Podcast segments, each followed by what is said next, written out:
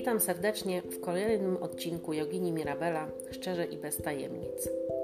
20 grudnia 2019 roku Święta. Czas magii czy szaleństwa? Święta Bożego Narodzenia mają dla chrześcijan niesamowite wprost znaczenie. Jednak nie tylko oni obchodzą ten szczególny w roku czas. Z uwagi na to, że mieszkam za granicą, mam okazję obserwować poprzez kontakt z ludźmi pochodzącymi z wielu krajów oraz kultur, że święta są dla wielu osób czasem, który mogą spędzić z rodziną i bardzo to sobie cenią, pomimo, że nie wyznają wiary katolickiej. Chociaż święta Bożego Narodzenia nie mają dla nich większego znaczenia ani tradycji, jednak mieszkanie w kraju katolickim ma tę zaletę, że te szczególne dla katolików dni są dniami wolnymi od pracy, więc chociaż uroczystość jest ściśle związana z religią, korzystają na tym wszyscy mieszkańcy, niezależnie od wyznawanej wiary. Jak wyglądają święta w moim domu? Jeszcze do zeszłego roku było to istne szaleństwo, tak jak w większości polskich domów. W tym roku postanowiliśmy zgodnie, że będzie inaczej.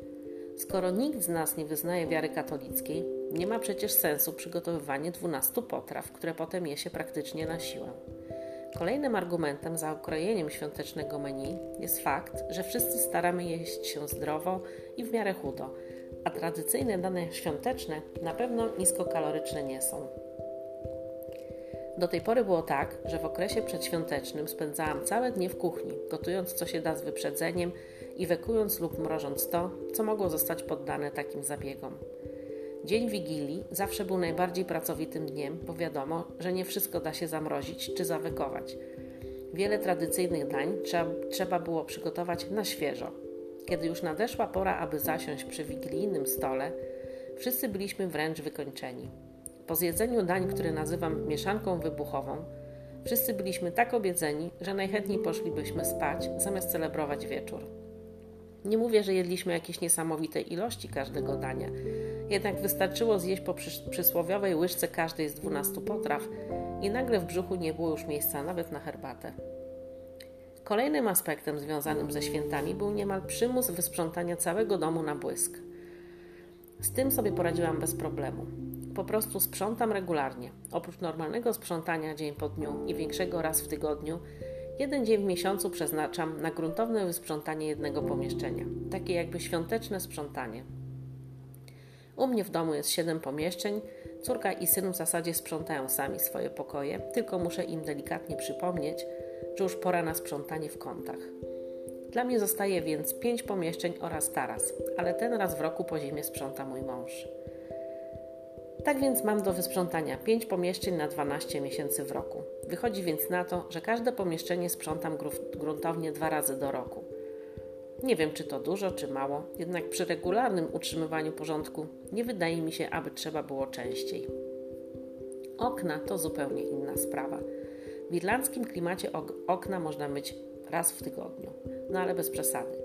Najczęściej myję okna, jak już nie mogę znieść wszechobecnych kropek zaschniętego deszczu, czyli co jakieś dwa miesiące. Mogłabym częściej, ale to i tak bez sensu. Przy niemal ciągle padającym deszczu okna są czyste tylko w dniu mycia, a i to czasem niezbyt długo. Tak więc generalne porządki przedświąteczne to już dla mnie przeszłość.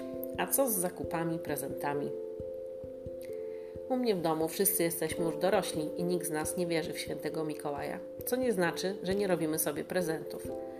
Zamiast jednak uszczęśliwiać kogoś na siłę czymś nie do końca chcianym, pytamy się jeden drugiego, co komu sprawiłoby największą frajdę. Kupujemy z wyprzedzeniem, najczęściej przez internet. W tym roku zdecydowaliśmy, że nie będzie prezentów pod choinką, oszczędzając czas, papier do pakowania i całe zamieszanie z tym związane. Każdy dostał prezent wcześniej, tak więc w Wigilię będziemy się mogli skupić jedynie na byciu razem. Jeśli chodzi o jedzenie, pojawi się mały akcent tradycji w postaci wegańskiego barszczu, bezmięsnego bigosu i sałatki jarzynowej. Oprócz tego przekąski w rodzaju tapas, w zasadzie na zimno, tak aby mogły spokojnie stać na stole, dostępne na wyciągnięcie ręki, podczas gdy my będziemy rozmawiać i słuchać świątecznych piosenek, ale nie kolęd. Mamy też choinkę, przełamiemy się opłatkiem i tyle tradycji.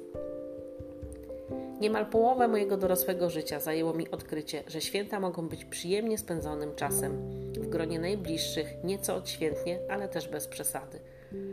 Zapewne moje poglądy na temat świąt ukształtowały się również na skutek miejsca, w którym mieszkam.